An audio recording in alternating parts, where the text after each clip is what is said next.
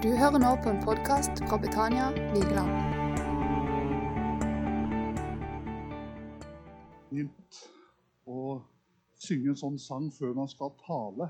At Gud, han er vår skjønnhet. Og det er veldig, veldig sånn. Det er en ganske gammel lovsang, egentlig. Men uh, lenge siden jeg har hørt den synge, så det var godt å høre den igjen. Det er jo tydelig på at da begynner man å bli gammel når man sier at det er mange år siden den ble sunget. Men det, men det er jo sant, da.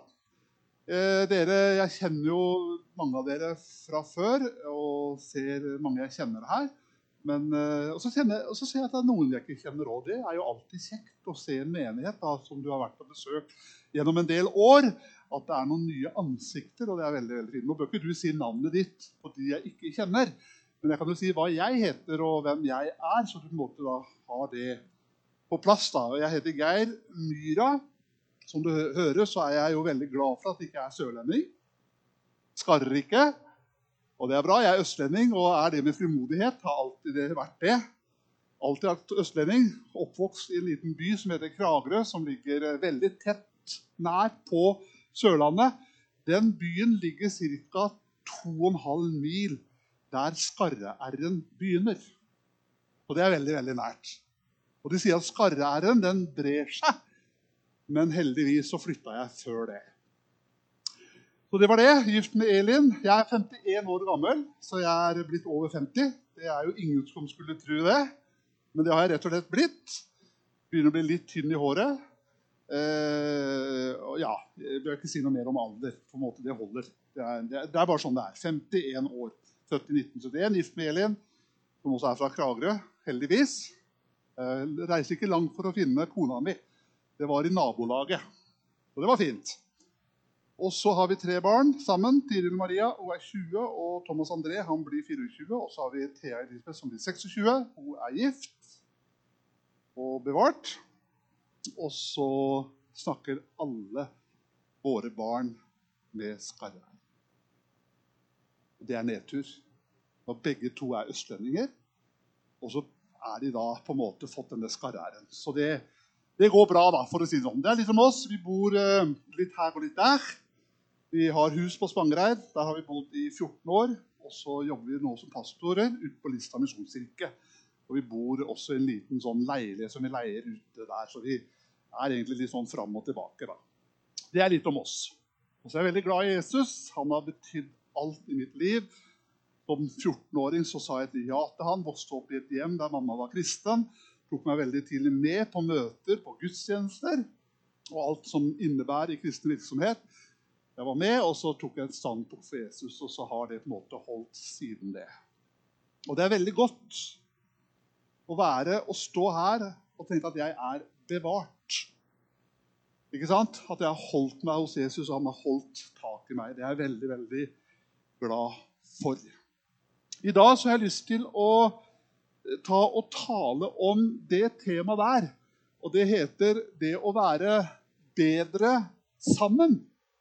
Eller eh, 'ingen grenser for fellesskap'. For det er noe med dette her med fellesskap. Det er godt å være en del av et fellesskap. Og hvordan vi på en måte kan bli bedre sammen. For mange mange år siden, en god del år siden i hvert fall, så gikk det en TV-serie på NRK som het ingen grenser. Er det noen som på en måte husker den? Det var i 2005 som den første episoden og første serien der gikk. første sesong. Og i 2009 var det også en sesong. Og det var det mest kjente TV-programmet på NRK i 2009.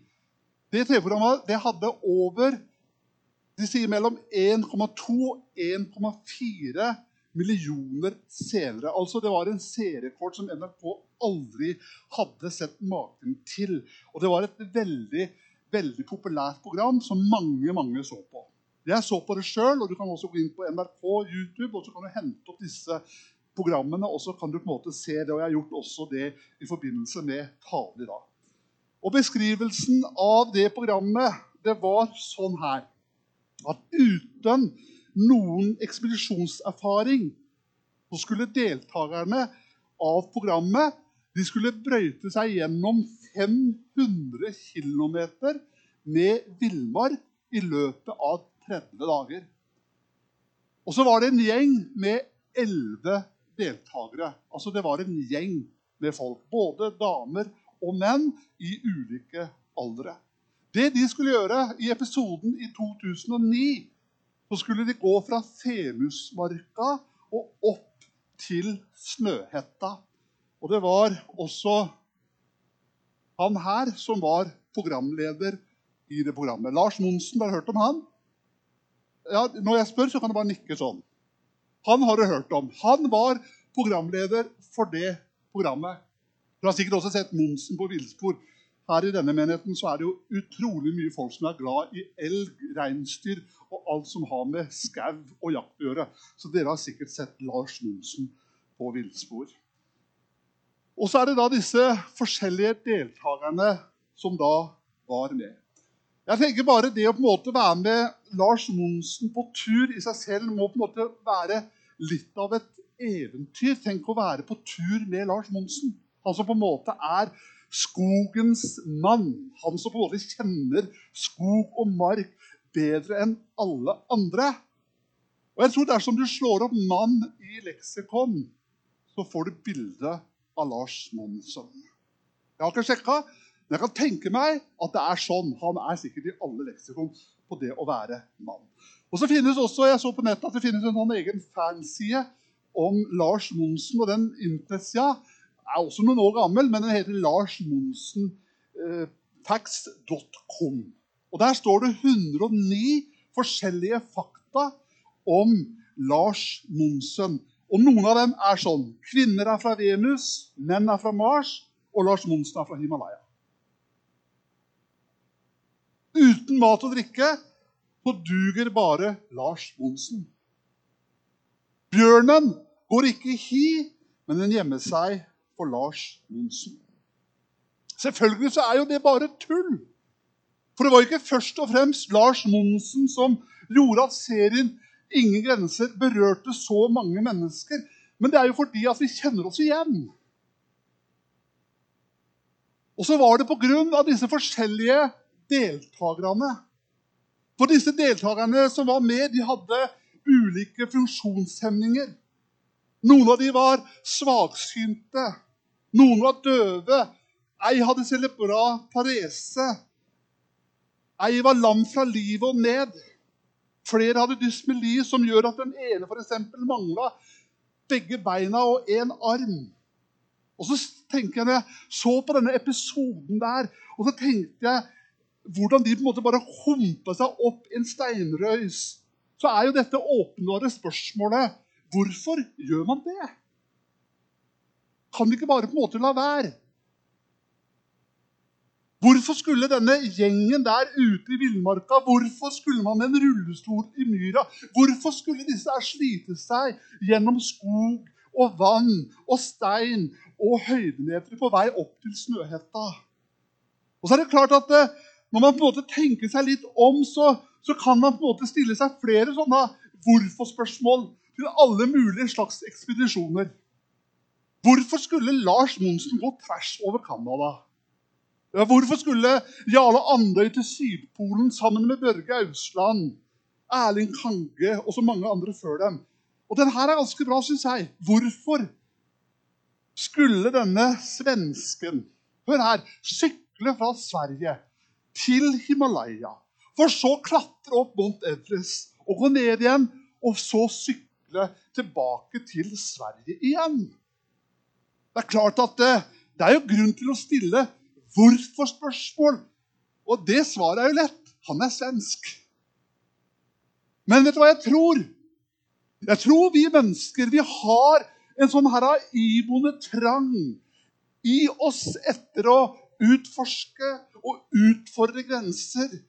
Vi ønsker å finne ut hva vi er i stand til, og det er noe bra med det. Når jeg så på denne Ingen grenser, så tenker jeg på en bønn som David ber i Salme 61 og vers 3, der han sier Før meg opp på et fjell som er for høyt for meg. Før meg opp på et fjell som er for høyt for meg. Og jeg tror vi alle her inne vi har noen sånne fjell i våre liv. Hva kan på en måte fjell være, hvis vi på en måte drar det inn i vårt liv nå? Jo, det kan jo være utfordringer. Det kan være vanskeligheter. For noen mennesker så er det jo sånn at når man bare tenker på den uka som kommer, så er det på en måte bare som et sånn svært fjell. Det kan være en konflikt på jobben du bare vet ligger der, som venter på deg i morgen. Det kan være en legetime som du gruer deg til. Det kan være en operasjon du må ta. Det kan være en tøff samtale du må gå igjennom. Altså, det er mange ulike fjell som på en måte vi har i livet. Og vi skal være ærlige med livet våre. Jeg har noen fjell i mitt liv. Og jeg sier på at du også har noen fjell i ditt liv. Det kan være også en telefon på en måte jeg skulle bare tatt for lenge siden. Så jeg bare vet at den telefonen må jeg ta. Men det er som, på en måte som et fjell for meg. Jeg klarer på en måte ikke å Det, det er for høyt. Det skulle kanskje være et svar på en SMS eller alle disse uleste mailene. altså Du bare ligger der. altså Du vet dette her må jeg på en måte ta tak i. Det kan være det budsjettet du ikke klarer å få i havn på en måte som du bare sliter med. Og det kan være så mange ting. Det var bare hjertet. Nei da, det var ikke det, da. Men også er det en annen ting som kan være fjell for mange mennesker i vår tid. Og det er vår tids største problem, og det er ensomhet. Et av våre største lidelser i samfunnet vårt i dag, det er det å være aleine. Og det er ikke denne gode og selvvalgte ensomheten på en måte der du velger å være alene, der du velger å søke stillheten i kortere eller lengre perioder. Men det er denne gnagende, denne destruktive ensomheten som tar seg livet av så mange mennesker. Denne følelsen av å være over til seg sjøl. Du har ingen å dele sorgen med. Du har ingen å dele glede med. Det er på en måte ingen å regne med. Og ensomheten, den kommer av rotløshet, og den fører til rastløshet. Og vårt samfunn, det preges nettopp av rotløshet og rastløshet. Mange av våre tradisjonelle nettverk de svekkes, de blir nesten borte. Dette som handler om storfamilien, grenda, lokalsamfunnet, frivillige organisasjoner, fagforeninger osv. Og undersøkelser viser at hvis vi ikke har nære relasjoner til andre mennesker, noen som virkelig forstår oss og bryr seg om oss, så har vi to-tre ganger større sjanse for en tidlig død. Fire ganger større sjanse for å bli følelsesmessig utbrent. Fem ganger større sjanser for å få dype depresjoner. Og ti ganger større sjanser for å få psykiske og følelsesmessige lidelser. Men fjell det kan også være noe positivt. Kanskje du har en stor sjanse og en unik mulighet foran deg. Noe du virkelig ønsker å få til. En topp du ønsker å nå mer enn noe annet. Og jeg tror vi alle har fjell som er for høye for oss. Men jeg tror også en ting til vi alle har, og det er begrensninger. På en måte så kan vi jo si at vi alle på en eller annen måte har funksjonshemninger i reell eller overført betydning. Det kan være noe vi ser, men det kan også være noe vi ikke ser. Altså noe som er synlig, og det er også noe som er usynlig. Og derfor så er vi avhengig av mennesker rundt oss. Og jeg synes Det er det nettopp denne TV-serien Ingen grenser viser oss på en fantastisk måte. Og Det er derfor jeg tror vi kjenner oss igjen. Den gjengen der det er en gjeng som er fullstendig avhengig av hverandre. Og Jeg føler at denne serien Ingen grenser på så mange måter viser i komprimert form hva det er å være mennesker. Altså, vi klarer oss ikke alene. Vi er skapt for fellesskap, og ingen når toppen uten andre. Per Arne Dahl han sa det sånn en gang at livet det er et stort, eller er et nummer for stort for de fleste av oss. Vi behøver en himmel over oss og noen gode mennesker rundt oss. Altså, Vi har en himmel over oss. Det har vi. Men vi behøver også mennesker rundt oss. Og så er det en sannhet vi kjemper imot med alle midler. Vi dyrker individualistene. Det virker som at han klarte seg på egen hånd. At det er noe av det fineste vi kan si om noen. Ja, han klarte seg på egen hånd. Men var det sånn det skulle være? Og hvem i dag av oss ønsker å være den svake? Stille seg fram og liksom si 'jeg er svak'? Nei, nei. Hvem av oss vil på en måte fremstå som den som trenger hjelp? Det er ikke alltid like lett, det. Og så er det noen da som kan på en måte bruke enhver anledning til å fortelle om alle sine skrøpeligheter. Men de fleste av oss, hva gjør vi? Vi tar på oss denne maska. Så later vi som, og så tar vi oss sammen, og så faker vi litt. Og så kanskje ljuger vi litt også. Jo, det går fint. Jeg har det bra. Jeg er ikke avhengig av noen. Men min opplevelse er at det er så vanskelig å spørre om hjelp. Og hvorfor er det sånn?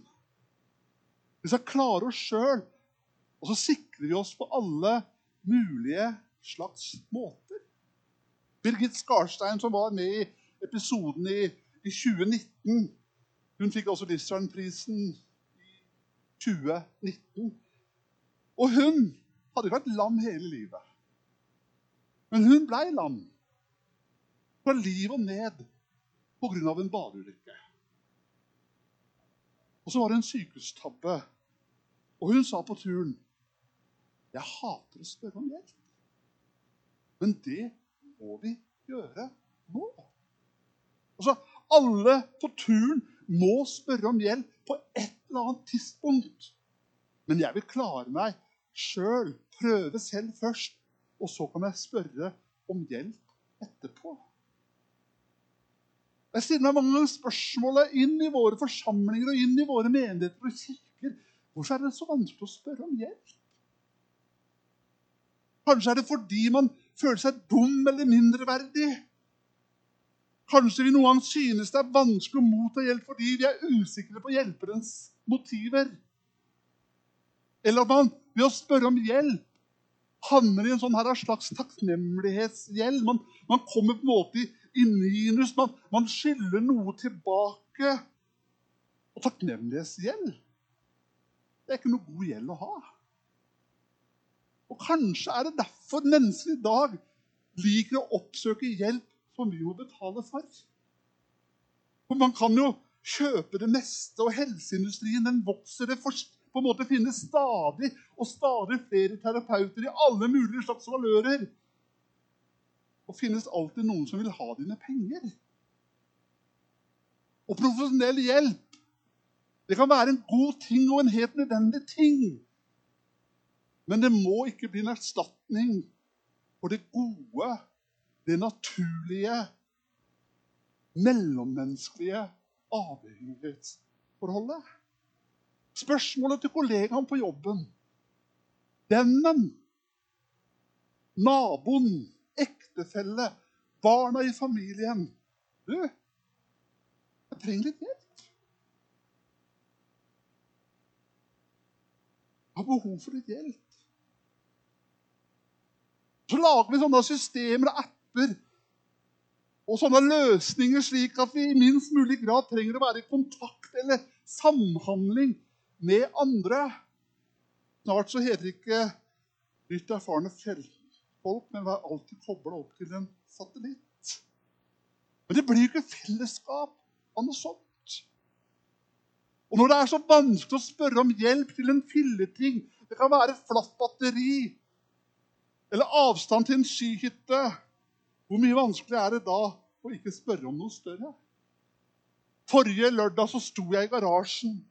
Og jeg er så glad at jeg har elbil. Det er en velsignelse i disse tider. Halleluja. Ja, Det var ingen som hadde elbil her, nei. Og så står jeg der, og jeg skal ta ut elladeren som alltid jeg gjør, på en god og rolig måte. Det går jo alltid veldig bra å ta ut elladeren fra bilen. Det er fantastisk med elbil. Fullada med kraft. Og så står jeg der og skal ha ut laderen. Det var en dønn fast. Jeg fikk ikke laderen ut av elbilen. Og jeg er ikke praktisk anlagt i det hele tatt. Hvis du spør kona mi om jeg er praktisk anlagt, så sier hun at nei, han har tolv tommeltotter. sier hun. Ikke ti, men tolv. Jeg er veldig dårlig på praktiske ting. Og så står jeg der og får ikke ut laderen av bilen. Og jeg skal selvfølgelig noe den samme dagen som jeg skal rekke. Og jeg så hva jeg gjør du hva? Jeg bare sier halleluja for NAF. Er du medlem av NAF?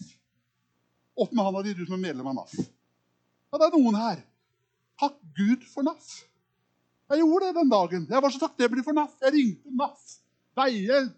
Og jeg var veldig fremodig. Hvorfor det? For jeg er medlem av NAF. Og det står i kontrakten som jeg har med NAF, at de kommer og hjelper meg når jeg har et behov for det. Og de kom til og med helt fra Kvinesdal. Kom de. Og kjørte helt til Spangereid.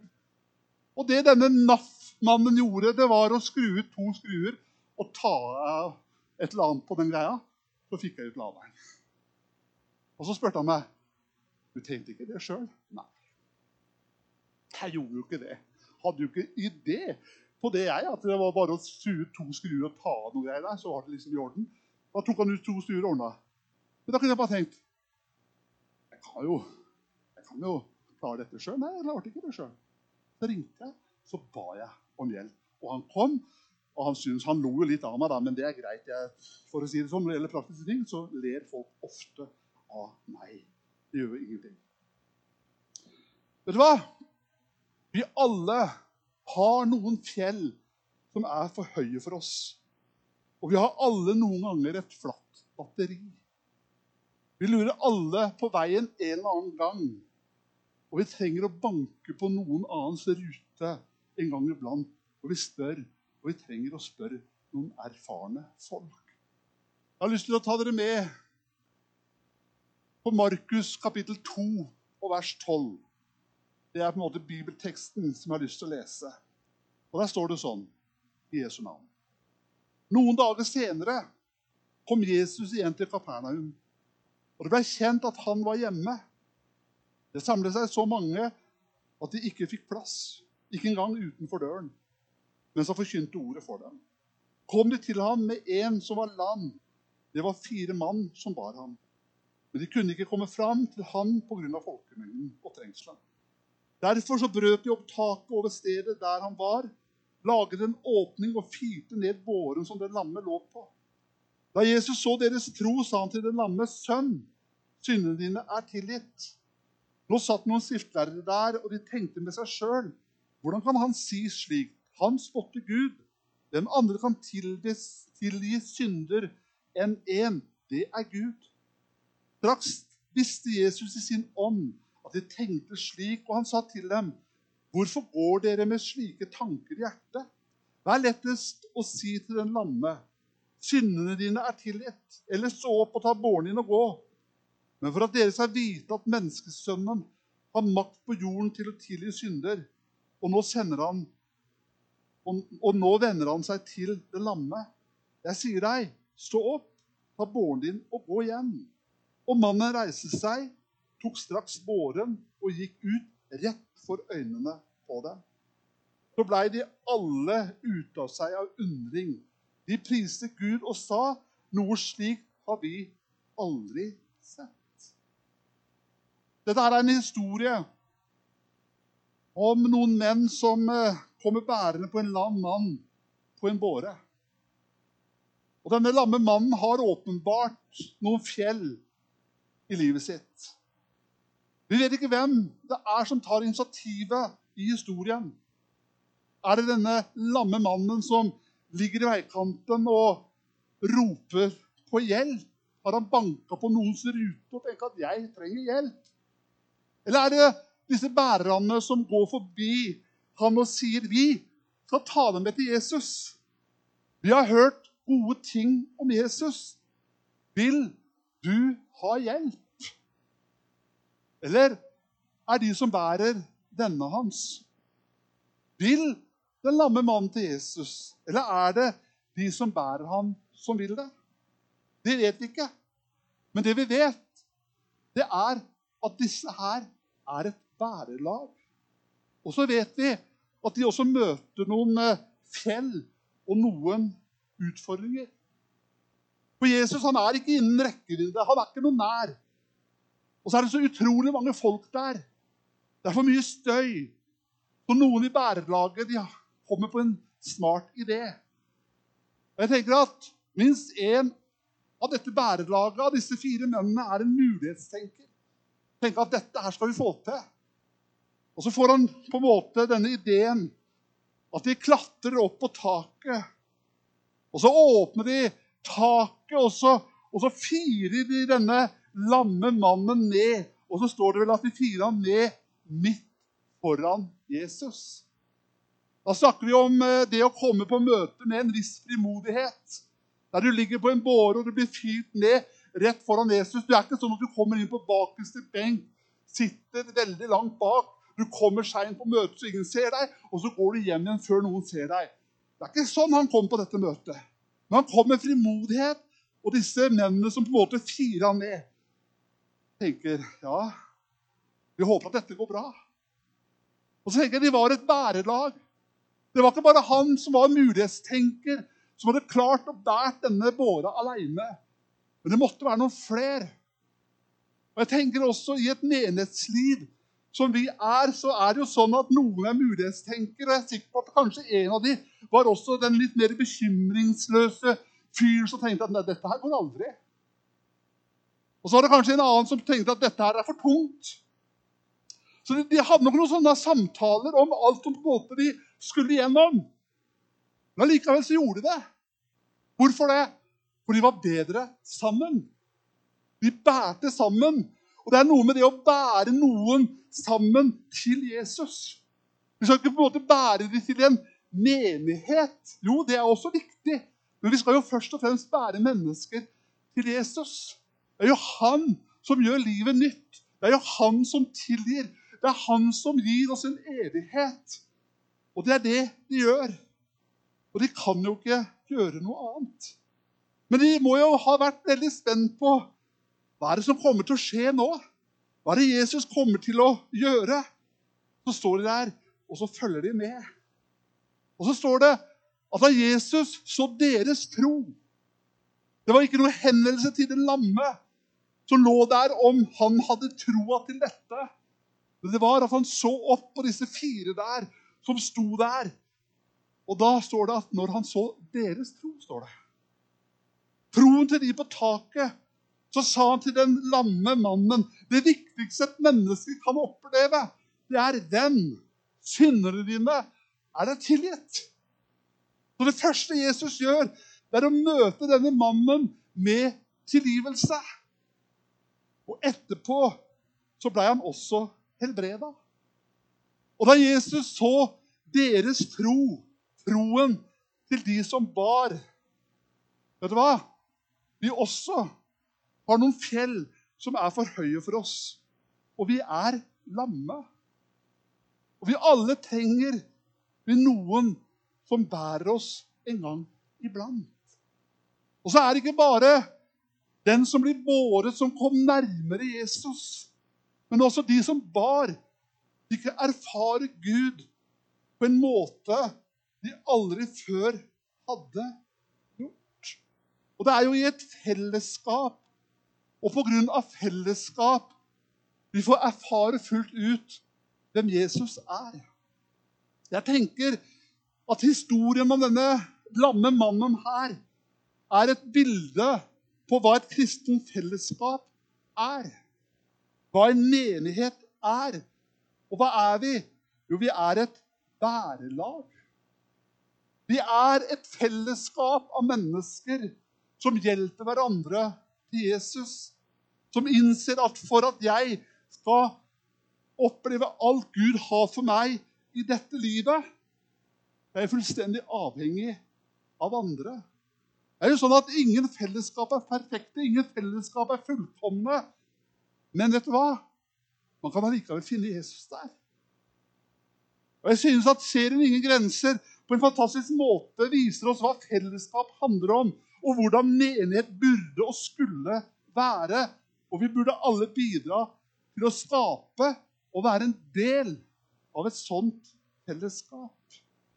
Og så er det sånn at I et sånt fellesskap så er det ikke slik at det er noen av oss som er sterke hele tida. Jeg er den sterke, og jeg er alltid sterk.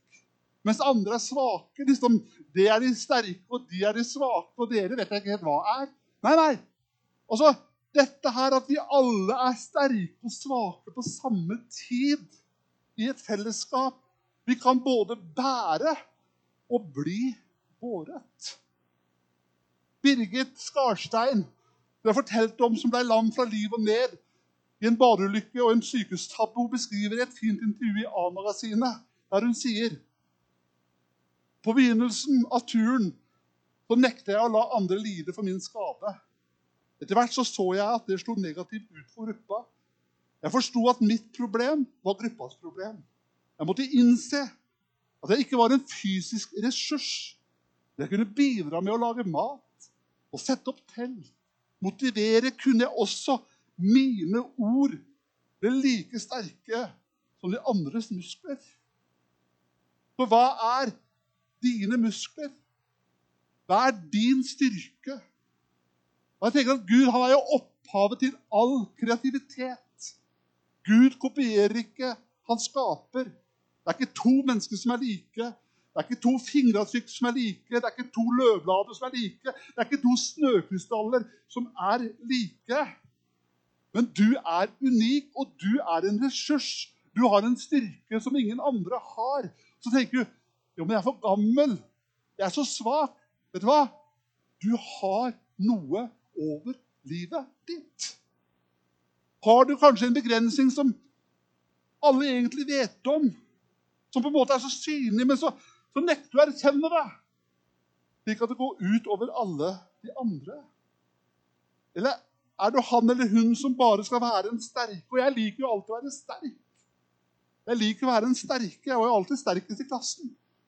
Og ingen der som hadde sjans. Jeg var alltid den sterkeste. Jeg kunne jule opp alle hvis jeg ville.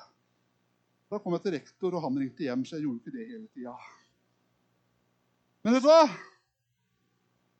Ethvert fellesskap er avhengig av at det er noen som byr på seg sjøl, også på sin svakhet.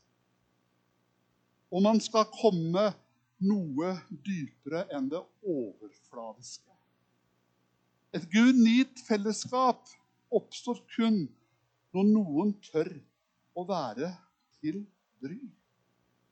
For et fellesskap da er man takknemlig for det de andre har av ressurser. Jeg har lyst til da til slutten av talen Kanskje du behøver noen som trenger deg. Jeg har lyst til å komme med noen eh, utfordringer her.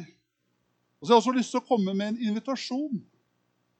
For det første, Den første utfordringa er at noen av dere som hører dette, trenger å innse at du kan være en ressurs. At akkurat du har noe å bidra med. At du kan være noen. At du er unik. At du er verdifull. Kanskje er det ikke på samme måte som før. Kanskje du ikke lenger kan gå. Du kan i overført eller reell betydning sette opp et telt eller lage noe mat eller komme med noen oppmuntrende ord som Birgit snakket om. Uansett hva som er din situasjon, uansett hvor mange fjell du måtte ha foran deg, så kan du og akkurat du være til hjelp for noen annen. Kanskje du etter dette møtet i dag skal ta den telefonen med en oppmuntring eller et spørsmål. Kanskje du skal besøke naboen, kanskje du skal tilby noen hjelp. Kanskje det er han over gangen eller over veien eller hvor det måtte være. Jeg er sikker på også at hos deg og for deg så finnes det noen som kan være en ressurs for. At du kan være noen. For du og jeg, vi er skapt til å være. Og gjennom det så kan både du og den du bærer, erfarer Gud. Og du blir aldri for gammel til å se på deg sjøl som en ressurs. For det andre det er en annen utfordring også at noen av dere trenger å innse at du er den som behøver å bli båret. Det er jo ofte veldig mye enklere å være den som bærer. Å være den sterke. Det er jo lettere å bry seg enn å være til bry. Men når noen av dere som hører dette, trenger som raskt som mulig å spørre noen om hjelp for den situasjonen du er i Ellers så vil du ikke klare fjellet. Du trenger å være ærlig med din situasjon for noen. Kanskje starte med at man er ærlig overfor Gud. Og han har lovet at han skal ikke støte oss bort.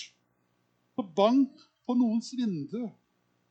Spør noen om hjelp. Og innse det er faktisk du som trenger å bli båret.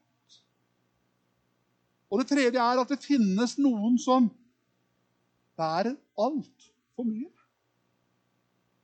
Da Jeg så på denne serien Ingen grenser at folk de besvimte fordi de har anstrengt seg for mye for å være til hjelp for andre. De har glemt å spise. De har glemt å ta til seg næring. Og kanskje nettopp du har båret for tungt alt for lenge. Kanskje noen utnytter din godhet. Og du trenger å slippe taket om du skal overleve. Kanskje du elsker noen, og så tenker du at det beste og eneste måten jeg kan vise min kjærlighet, er at jeg bærer og jeg holder ut. Kanskje det du trenger, det er at du slipper taket. Du trenger bare å bli båret. Og selv om vi i nestekjærlighetens navn skal strekke oss langt, vi skal gå langt, og vi skal gi alt vi har, vi skal gi jernet, så kan vi ikke leve andres liv. Til slutt så er det også en invitasjon. Jeg vet ikke om alle er kristne her og tatt imot Jesus, men det er et fjell er altfor høyt for oss alle. Uansett hvor ressurssterke vi er. Hvor mange gode gjerninger vi gjør. Eller uansett hvor eh, og hva slags bærelag vi er en del av. Og Det er det fjellet som heter 'rettferdig for Gud'. Det fjellet det er for høyt for oss alle.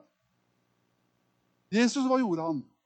Det står at han gikk til Golgata, som er en liten topp. Det var et fjell han måtte opp på men som for han var kjentes ut som et enormt fjell. Der han gikk med svært kors på ryggen. Og hva gjorde han der? Der ga han sitt liv. For at ingen av oss skulle måtte bære vårt liv og vår synd og vår historie alene. Der, akkurat der, så ga han sitt liv. for at vi ikke skulle og måtte ta oss sammen. Eller fake eller ljuge eller bestige noen sånne religiøse regelberg. Men for å frelse skulle bli fritt tilgjengelig gratis for alle som vil ha. Det er bare å spørre og si takk. Så lett er det. Og vi også har hørt i dag så vanskelig kan det også være. Når jeg tenker på Jesus, så hadde Jesus ingen grense for sin raushet og kjærlighet mot dem som kom til han og var ærlige med situasjonen om sitt liv. Men de som prøvde å ta seg sammen, de som på en måte spilte skuespill, De som ville frelse seg sjøl. Mot dem så var han knallhard. Men til Jesus kan vi komme akkurat som vi er. Og denne invitasjonen som jeg som 12-åring eller 14-åring tok imot, nå så ikke jeg på en måte et veldig stort fjell for meg akkurat da, men jeg har jo sett i ettertid. Og jeg har tenkt i ettertid at Jesus han gikk opp fjellet for meg. Jeg kunne få lov til å bare komme og ta imot. Så det er en invitasjon som gjelder. For ellers så er du her i formiddag, og du har ikke på en måte tatt det standpunktet og sagt det ja til Jesus, så er det jo en fantastisk mulighet til det i dag. For det er en som har besilt det fjellet for deg, og det er Jesus. Han har tatt på seg alle våre skrøpeligheter, alle våre plager, all vår synd. Det tok han på et kors på en fjellhøyde i Jerusalem, på Golgata, for over 2000 år siden. Og det han sa på korset, det var at det er fullbrakt. Det er ferdig. Det er ikke noe mer å gjøre. Jeg har tatt det på meg. Jeg har gått til toppen for deg. Så enkelt er det å si et ja til Jesus. Du kan si til Jesus, før meg opp på et fjell som er for høyt. Så da også på mot en avslutning. Og vi skal invitere inn i bønnerommet. Og hvis du er her i formiddag, og budskapet har kanskje talt på en måte sterkt nok sjøl at ikke vi ikke bør ha et langt ettermøte for å respondere på et sånt budskap. Men hvis du er her og du kjenner at vet du hva, noe av dette jeg kjenner meg igjen på Dette her gjelder mitt liv, dette gjelder min hverdag, min familie. Så er det et bønnerom her. Du kan gå inn på. Du bør ikke gå fram her engang og liksom, at alle ser at du går fram. Ja, hvilket fjell er det du har? Nei, nei, du kan gå inn der. Kan du bare sette deg ned, så vil det være folk her i menigheten som kan komme inn og samtale med deg og be for deg. Og jeg tenker at Menighetsfellesskapet må jo være det stedet man kan få lov til å komme med det man er, og det man har. At det er noe som bærer. Jeg har opplevd sjøl i mitt eget liv ting som har vært vanskelig, ting som har kommet på. Jeg har hatt noen gode mennesker rundt meg som bare har båret meg. Jeg har kommet på en måte til kort, ikke takla livet, møtt ting som har vært utrolig vanskelig. For Det er jo lett å tenke at jeg har lyst til å gi opp. er det ikke det? Det er fort gjort å bare tenke at jeg gir opp. Det kan andre gjøre. Jeg strekker meg tilbake. Da kan andre